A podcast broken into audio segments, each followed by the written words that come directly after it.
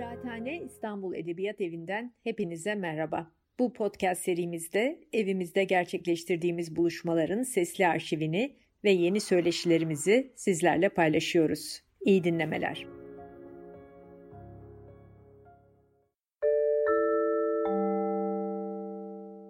Mutluluk üzerine konuşmaya başlayınca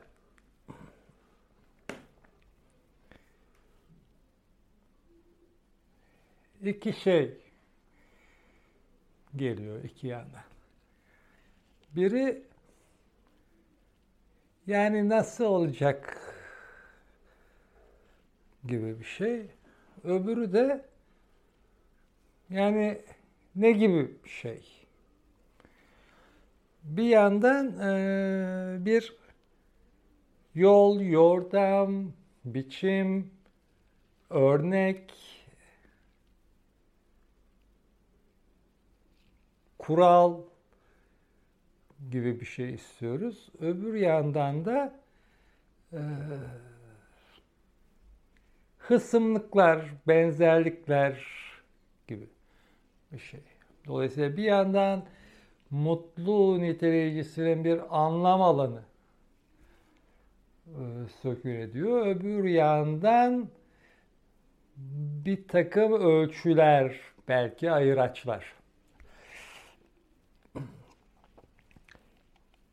Bir taraf bu hısımlıklar anlam alanı tarafı e, bizim e, nesne diliyle, nesnelerden, olup bitenlerden, olaylardan, olgulardan söz ederken kullandığımız e, terimlerle adlandırdıklarımıza ya da işte nitelediklerimize, eylem biçiminde tasarladıklarımıza ilişkin bir hısımlık, bir alan e, söz konusu ediyor.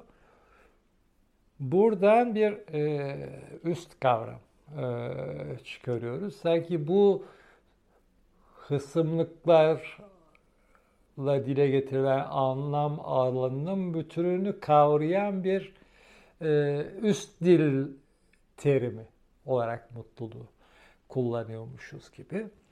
Öbür yandan da işte ölçüler, ayıraçlar, işte yollar, yordamlarla belki kılgılar, etkinliklerle bu alanın içinde olup biteninin şöyle dolaylı, dolayımlı, dolambaçlı bir e, kavranışı ne aramış oluyor. Şimdi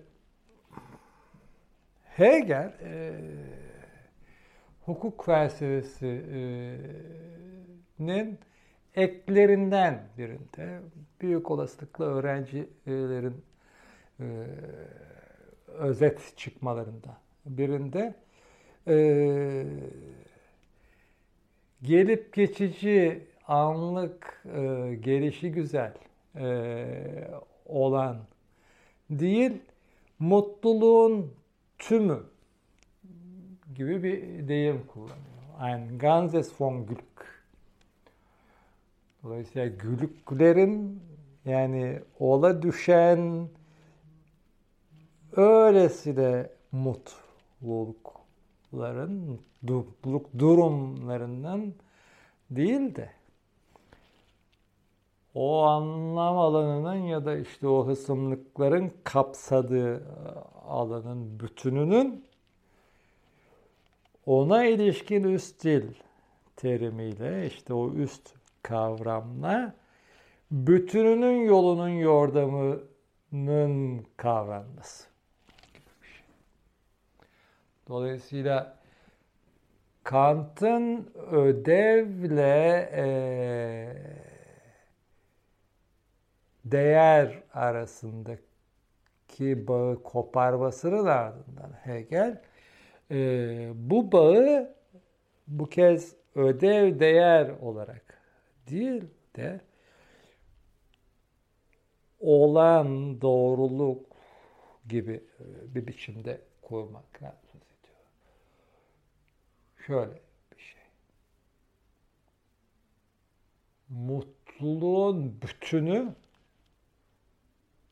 ancak bütün öbür mutluluk dolayımlarını, kapılarını, örneklerini, durumlarını öyle kılabilir. Onun öyle olması, öyle olması gerektiğinden ileri gelir. Dolayısıyla ussallıkla dışsallık arasındaki, dolayım arasındaki ilişki bu bütünde içerilir. Dolayısıyla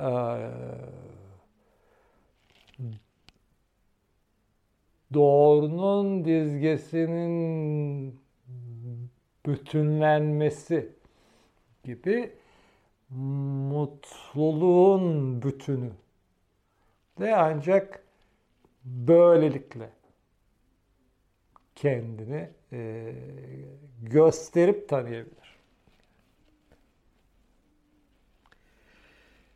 Güzel, hoş bir çaba.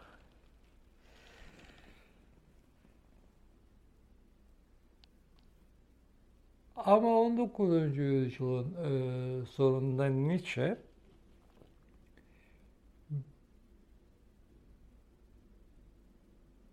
bunun boş olduğunu söyleyecektir. Ama bunu çok tuhaf e, bir biçimde söyler. E, bir dönemin e, ünlü şarkılarından biriydi biliyorsunuz İzel'in e, şarkısı. Mutluluğun formülü çok açık. Bir sen bir ben bir de bebek e, gibi bize bir e, kılavuz e, veriyordu. Nietzsche de verir böyle bir kılavuz. E, bayağı benim mutluluğumun formülü dediği bir kılavuz. Formel diyor bayağı. Bir kural. Ama bambaşka bir e, dizi sunar bize. Bir evet, bir hayır, düz bir çizgi, bir erek. Buradaki erek tabi e, eski Yunan'daki telos gibi bir şey değil. Sil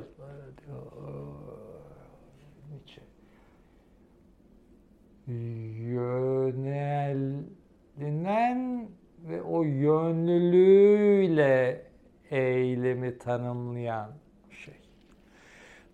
Ee, dolayısıyla bir yetkinleşme tasarımı içermeyen e, yönelmesiyle belirlenen e, bir eylemin amacı e, kastediyor e, putların başındaki o e, sağ sözlerin sonunda bir yerde söylüyor.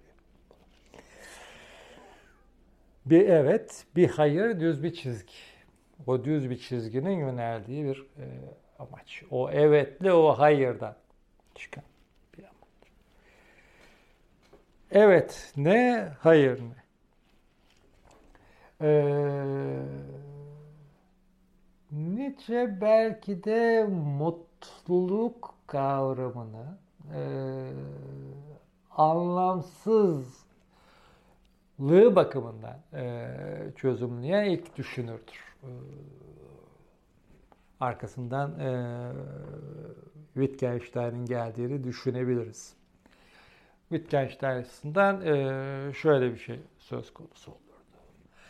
Eğer mutluluk da e, felsefenin büyük anlamlı sayılan sorularından biri ise örneğin yaşamın anlamı gibi büyük anlamlı sayılan e, sorulardan e, birine benzeyecektir. E, dolayısıyla anlamsızdır. Çünkü anlam e, dilsel bir şeydir. E, yaşam dilsel bir şey e, değildir. Dolayısıyla dilsel olmayan şeylerin anlamı olmaz. Yaşamın anlamı yoktur. E, mutluluk içinde e,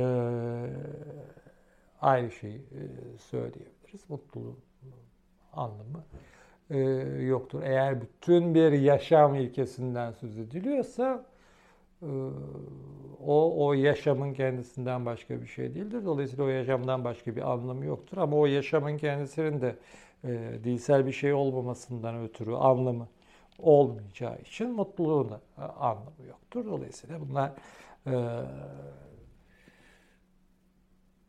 felsefece boş e, kavramlardır. E, derdi herhalde. Yani işte mutluluk kavramını e, ciddiye alıp e, düşünseydi. Başka bir bakımdan ciddiye alıyor tabii. E, deneyimi, yaşantıları bakımından. Ama Nietzsche açısından öyle değildir. Nietzsche açısından bir yandan benim mutluluğum dediği şey vardır. Bir yandan da mutluluk dediği bir şey vardır. Hayır dediği bu mutluluk. Evet dediği de o benim mutluluğum. O, o evetle hayırı bir çizgi olarak içeriyor. Hayır dediğinde ne var? Ee, kat bakımından bütün bir Epikuros, şu stoacı gelenek gibi bütün 18. yüzyıl İskoç e, törel düşünüşü e, gibi e, Nietzsche açısından da bütün bir 19. yüzyıl İngiliz düşünüş e, söz konusudur. Bir mutluluk felsefesi olarak. Mutluluğun çekirdeğini oluşturduğu bir törel düşünüş biçimi. Burada da en temelde e, odağında Nietzsche'nin Mill'in yararcılığı e, vardır. Dolayısıyla orada da bir tür e, ereksellik ama bir sonucuyla belirlenme anlamında. İşte onun da bir e, biçimi var. O biçim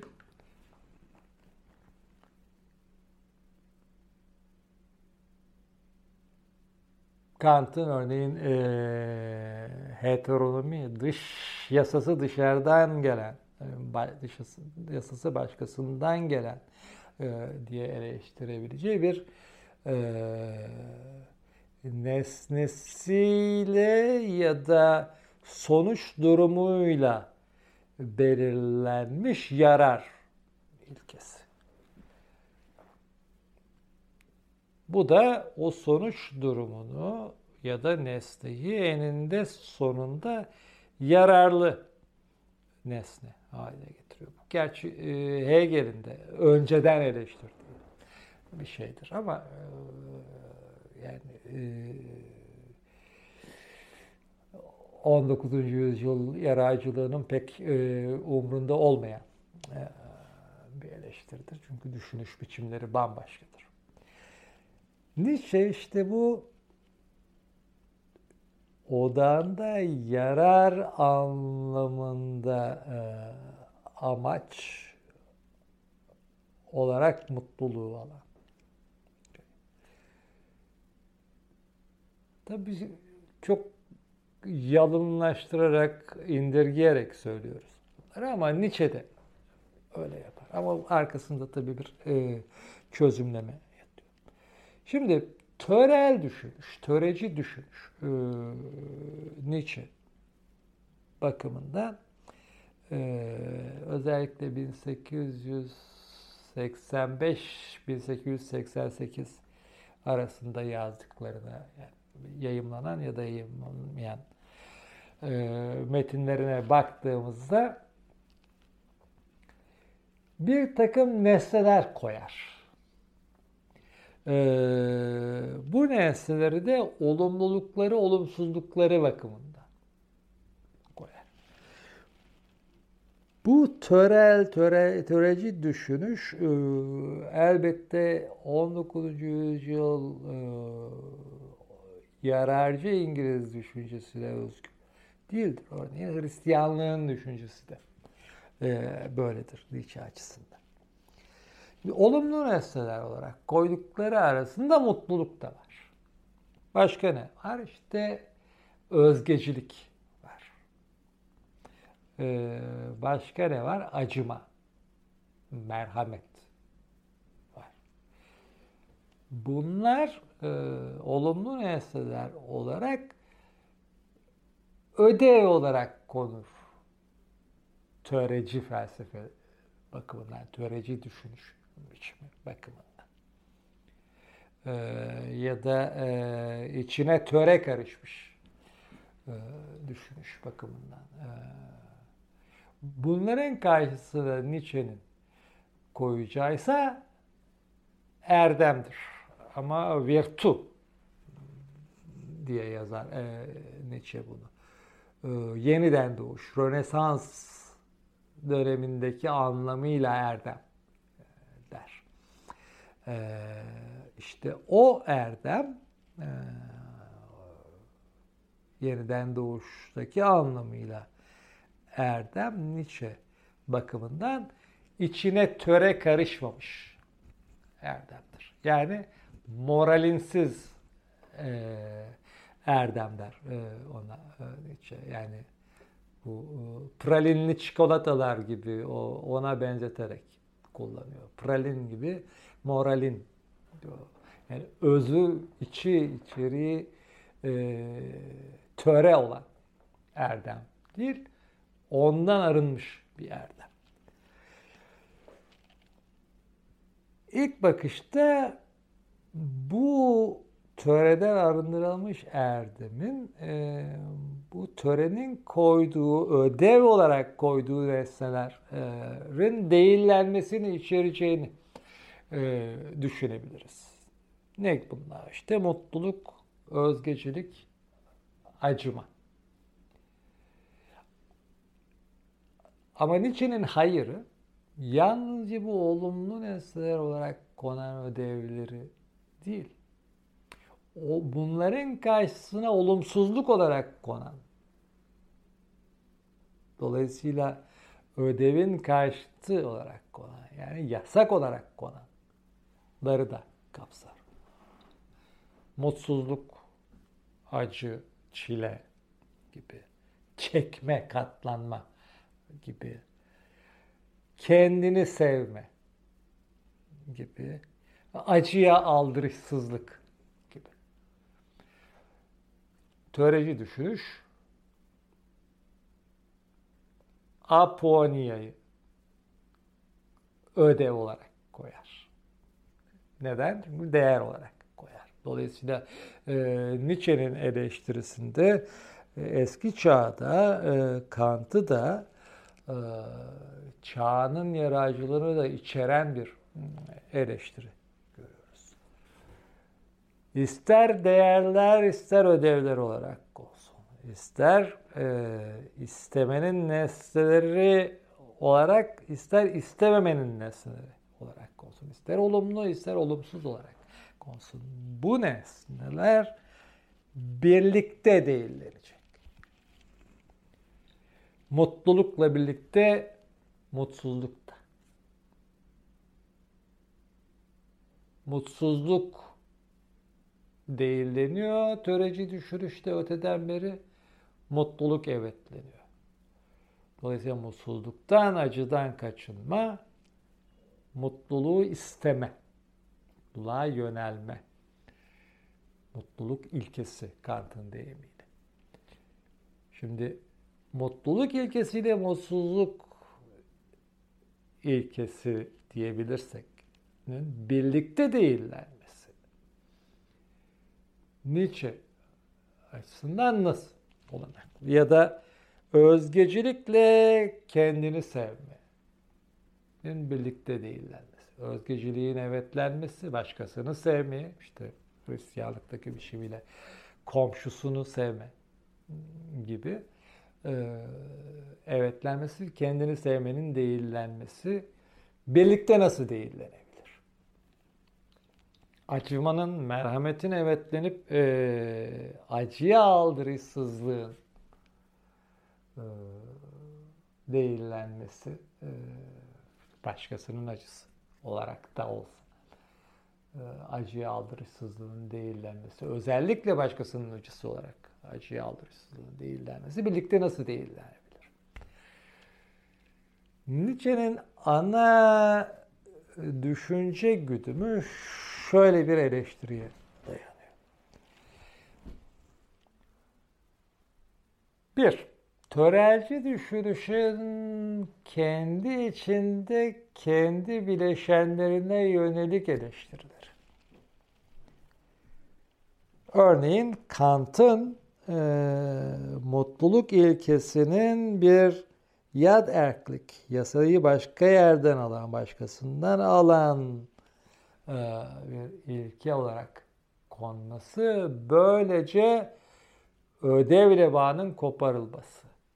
Bunu alıp Nietzsche bunun temelindeki eleştiriyi töreci düşürüşün bütününe ne bu eleştiri?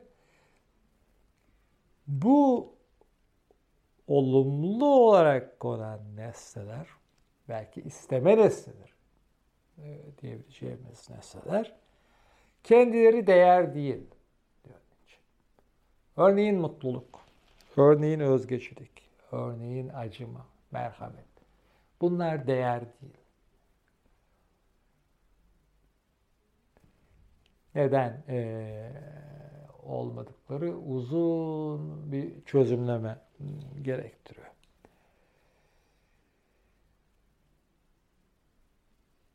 Ne anlamda değer değil? Kendi başlarına bunlarda içkin bir yan yok.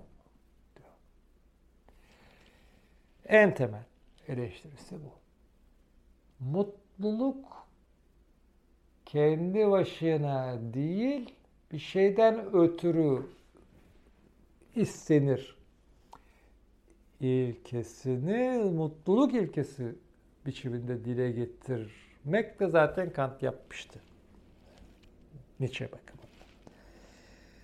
Dolayısıyla özgeciliğin başkasını sevmenin, kendini sevme yerine başkasını sevmenin de bir iç değerinin olmaması gerekir. Çünkü bu eninde sonunda sevmenin bir iç değeri olmasını gerektirir. Oysa sevme nesnesiyle belirlendi e, sürece bu ister kendi ister başkası olsun e, bir e, dış belirlenim içerir. E, benzer bir şey acıma içinde. Geçerli Nietzsche bakımından. Acıma çok çünkü köle düşünüşü, köle töresinin düşünüşünün bir e, öğesidir. Dolayısıyla acıma da o köle töresi olumlanmış olur.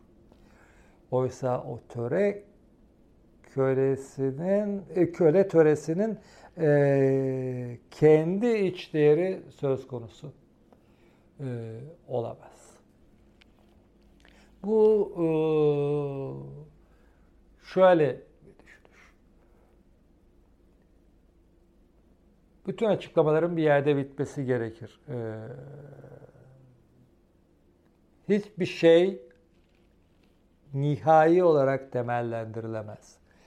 E, gibi bir felsefe ilkesini belirtilersek, felsefenin bir yerde temellendirmesinin durması gerektiğini, ondan ötesinin ancak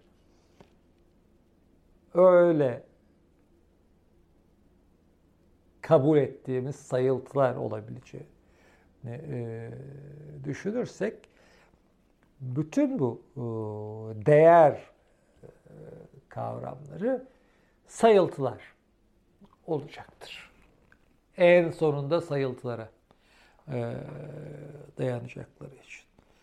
Dolayısıyla bu bunların temellendirilmesi gerektiğini ama en sonunda temellendirilmeyeceğini, temellendirilemeyeceğini gösterir. Dolayısıyla bunlar temelsizdirler.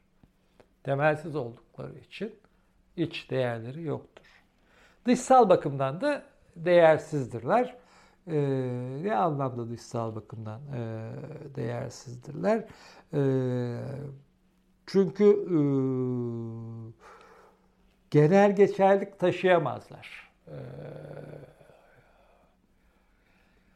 başkasını sevmedeki başka hep e, olumsal bir başkası olacaktır. E, acınan başkası hep olumsal bir başka olacaktır. Kant'ın ilkesini Kant'a karşı kullanır. Nietzsche burada. Genel geçerliğin genel geçerliğini e, sorgular. Peki olumsuz, töreci düşünüşün olumsuz olarak koyduğu e, nesneler e, için benzer bir eleştiriyi nasıl e, yapabiliriz? Bunlar da dışsal e, olarak değersizdir Nietzsche bakımından. Pardon, değerlidir e, Nietzsche bakımından öbürlerinin tersine. Yani e, içsel olarak değersizdir. İçsel olarak değersizdir çünkü e, temellendirilemezler. Bu şunun gibi e, bir temellendirme ilkesi düşünebiliriz. Lichtenberg'e yine başvurursak Nietzsche'nin e, en sevdiği yazarlardan biridir. E, Lichtenberg bir yerde şöyle diyor. İnsanın e, en değerli varlık olduğuna da e, şurada olduğuna şuradan da varabiliriz. E, henüz tersini söyleyen çıkmamıştır e, diyor Lichtenberg. Bunun gibi. Yani bu öyle e, sayıldı ki söylenmediği için doğru. E, tersi söylenmediği için doğru. Burada dışsal bakım, e, içsel bakımdan değersiz bulduğu e, olumsuz nesneleri e, dışsal bakımdan değerli buluyor. Örneğin mutsuzluk, acı çekme, kendini sevme ve acıya aldırışsızlık. Kendinin olsun, başkasının olsun acısını aldırışsızlık. Bunların hepsi bir çekme içeriyor. İşte bu çekme eğitici, yetkinleştirici bir yan taşıyor. Nietzsche açısından. Şimdi eski çağın bu erek, telos, yetkinlik tasarımı karşısına başka bir yetkinleşme tasarımı gelmiş oluyor. olumluluklarla değil, olumsuzluklarla yetkinleşme. Bunun bir biçimi e, Nietzsche gezgin ile gölgesinde yanılmıyorsam söylüyor. E, üzüntülü yazarlarla ağır başlı yazarlar karşılaştırıyor bir e, gözleminde diyelim. Neler çektiğini bize anlatan yazar üzüntülü bir yazardır. Ama diyor çektiğini şimdi neden neşe içinde dinlendiğini bize söyleyen yazar ağırbaşlı. Yetkinleşme bunun gibi bir şey e, Nietzsche açısından.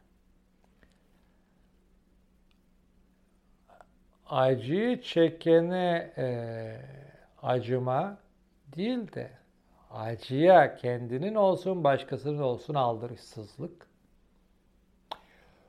O acının kişiyi yetkinleştirmesine yol açıyor. mutsuzluk, acı çekme, çile çekme. Ama bununla birlikte kendini sevme yine bir e, kişi yetkinliği, yetkinliğini yol açıyor. Ama bu artık bir aşma e, gerektiriyor. Ama bu aşma verili olan kişinin o insanca pek insanca e, kişiliğinin aşılması. Tabi burada e, Nietzsche'nin e, aşma kavramını, üst insan kavramını da e, bambaşka bakımlardan tartışabiliriz ama e, konumuza pek yararı olmayacaktır. Yani e, üst insan kavramının bir e, kişi kavramı mı ve tür kavramı mı olduğu gibi e, tartışmalara girebiliriz ama e, burada konuştuğumuz anlamsız konuya bir e, e, katkısı olmayacaktır. Töreci düşünüşün olumlu olumsuz diye koyduğu e, ikilileri içsel bakımdan değersiz yani değer olarak konan şeyleri değersiz kıldıktan sonra dışsal olarak değerlerinin olup olmadığına bakıyoruz. Olumlulukların dışsal olarak da bir değerinin olmadığını görüyoruz diyor Nietzsche. Dolayısıyla olumsuzlukların dışsal değeri kalıyor elimizde. İşte bunlar yetkinleştirici, eğitici. Ama bunlar bir yandan da aşılmalarıyla yetkinleştirici. Acının, o acıya aldırışsızlığın kendini sevmenin de üstesinden gelmek. Nasıl kendini sevmek? Kendini olduğu gibi sevmek. Bu nasıl olacak? Ee, burada tabii Nietzsche'nin e, bir çokluk olarak özne, bir çokluk olarak ben tasarımını düşünmek gerekiyor. Örneğin şöyle, e, bir genel mutluluk gibi e, düşünelim. Bir de tek tek mutluluklar gibi e, düşünelim. Yani ben bir çokluğum. Bir yanım mutlu, bir yanım mutsuz gibi. E ama toplamda mutlu oluyoruz. Bu tam e, yararcılığın e, ölçülebilir, sınanabilir mutluluk e, dolayısıyla yarar bakımından düşünülebilir mutluluk için. Dolayısıyla bir nicelik olarak mutluluk e, için söylediğinin yararcılığa karşı kullanılması. Bu içerin genel düşünce e, güdümünün ilginç bir özelliği. Biraz önce Kant'ı, Kant'ın ilkesini Kant'a karşı kullanmasından söz etmiştik. Burada da yararcılığı ilkesini yararcılığa karşı kullanmasını söyleyebiliriz.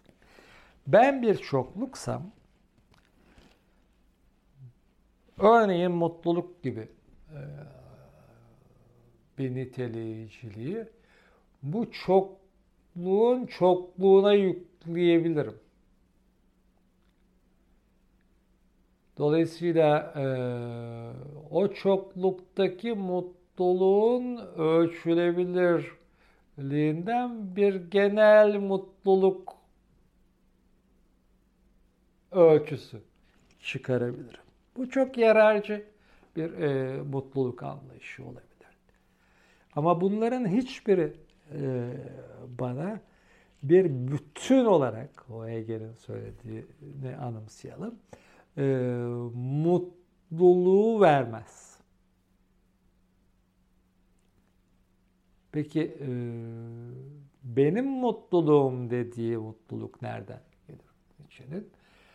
İşte o bir çokluk olarak benim, çokluk olarak öznenin güçlerinin tümünün açığa Bunlar dışarıdan ya da bir değer olarak e, verilmiş e,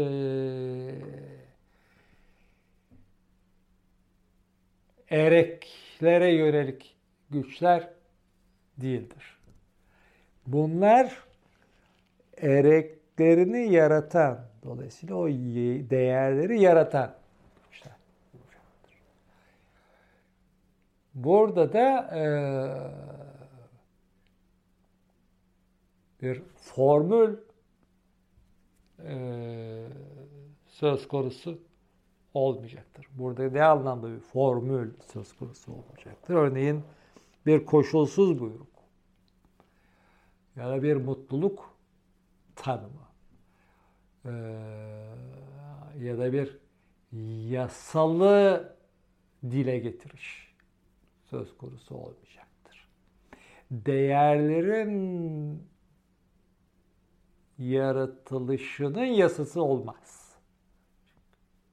Çünkü yasasını kendisi koyan yaratılar bile olamaz bu değerler. Dolayısıyla Nietzsche'de bu durumda ikinci anlamda benim mutluluğum dediği anlamda bir evet, bir hayır, düz bir çizgi, bir erekteki mutluluk o değeri yaratmanın yönüyle bir çokluk olarak benim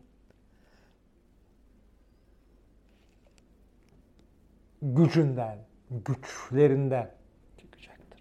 Bu güçler e, istenç ile belirlenmez en temelde. Evet, güç istenç e, diyecektir. Nietzsche ama orada da e, belki iki yönlü düşünebileceğimiz bir yan kurabiliriz. Güç e, istencin nesnesi midir? Erk daha doğrusu. E, yoksa istencin kendisi bir erk midir? Yani değer yaratan bir erk. Ama bu durumda e, bütün töreci düşünüşün e, temel e, sorusuyla karşılaşacağız.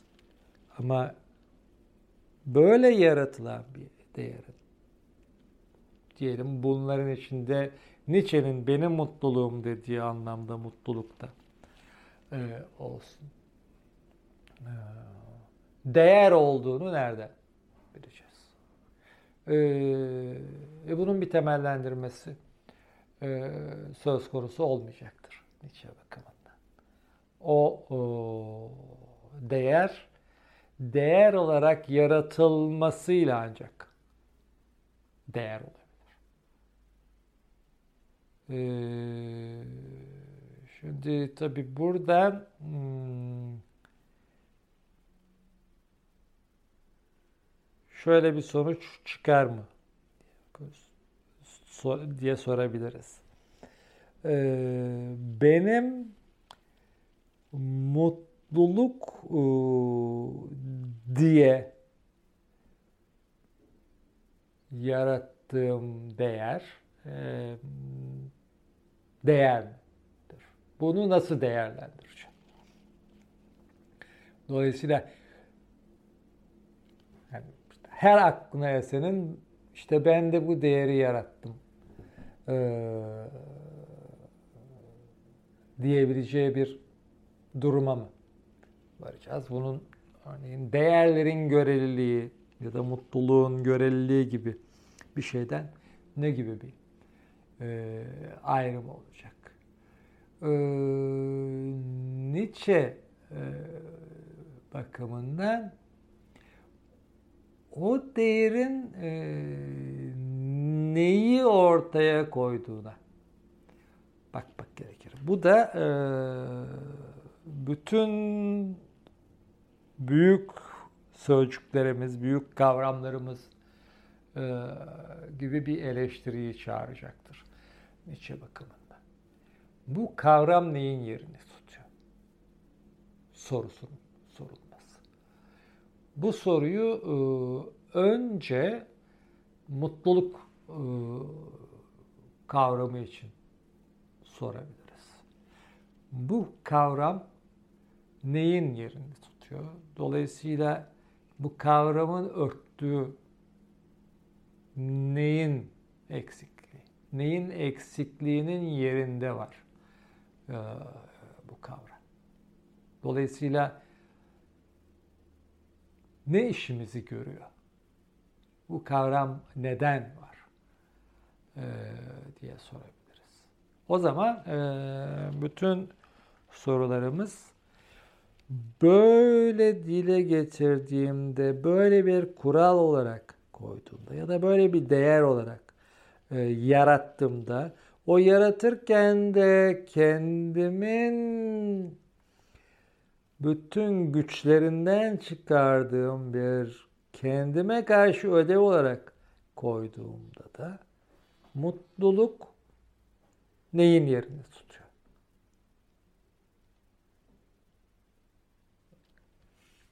Bir şeyin yokluğunun yerini tuttuğunu görürsem böyle yarattığım bir mutluluk değerinin o zaman onun anlamsız olduğunu da görebilirim. Elbette burada soru e, onu anlamlı kılan ne olurdu e, sorusu. Üç konuşmada sevimsiz, sıkıcı, anlamsız bir kavramı orasından burasından çekiştirmiş olduk e, mutluluk kavramını. E, umarım sevimsiz, sıkıcı, anlamsız bir çekiştirme olmamıştır. Dinlediğiniz için sağ olun.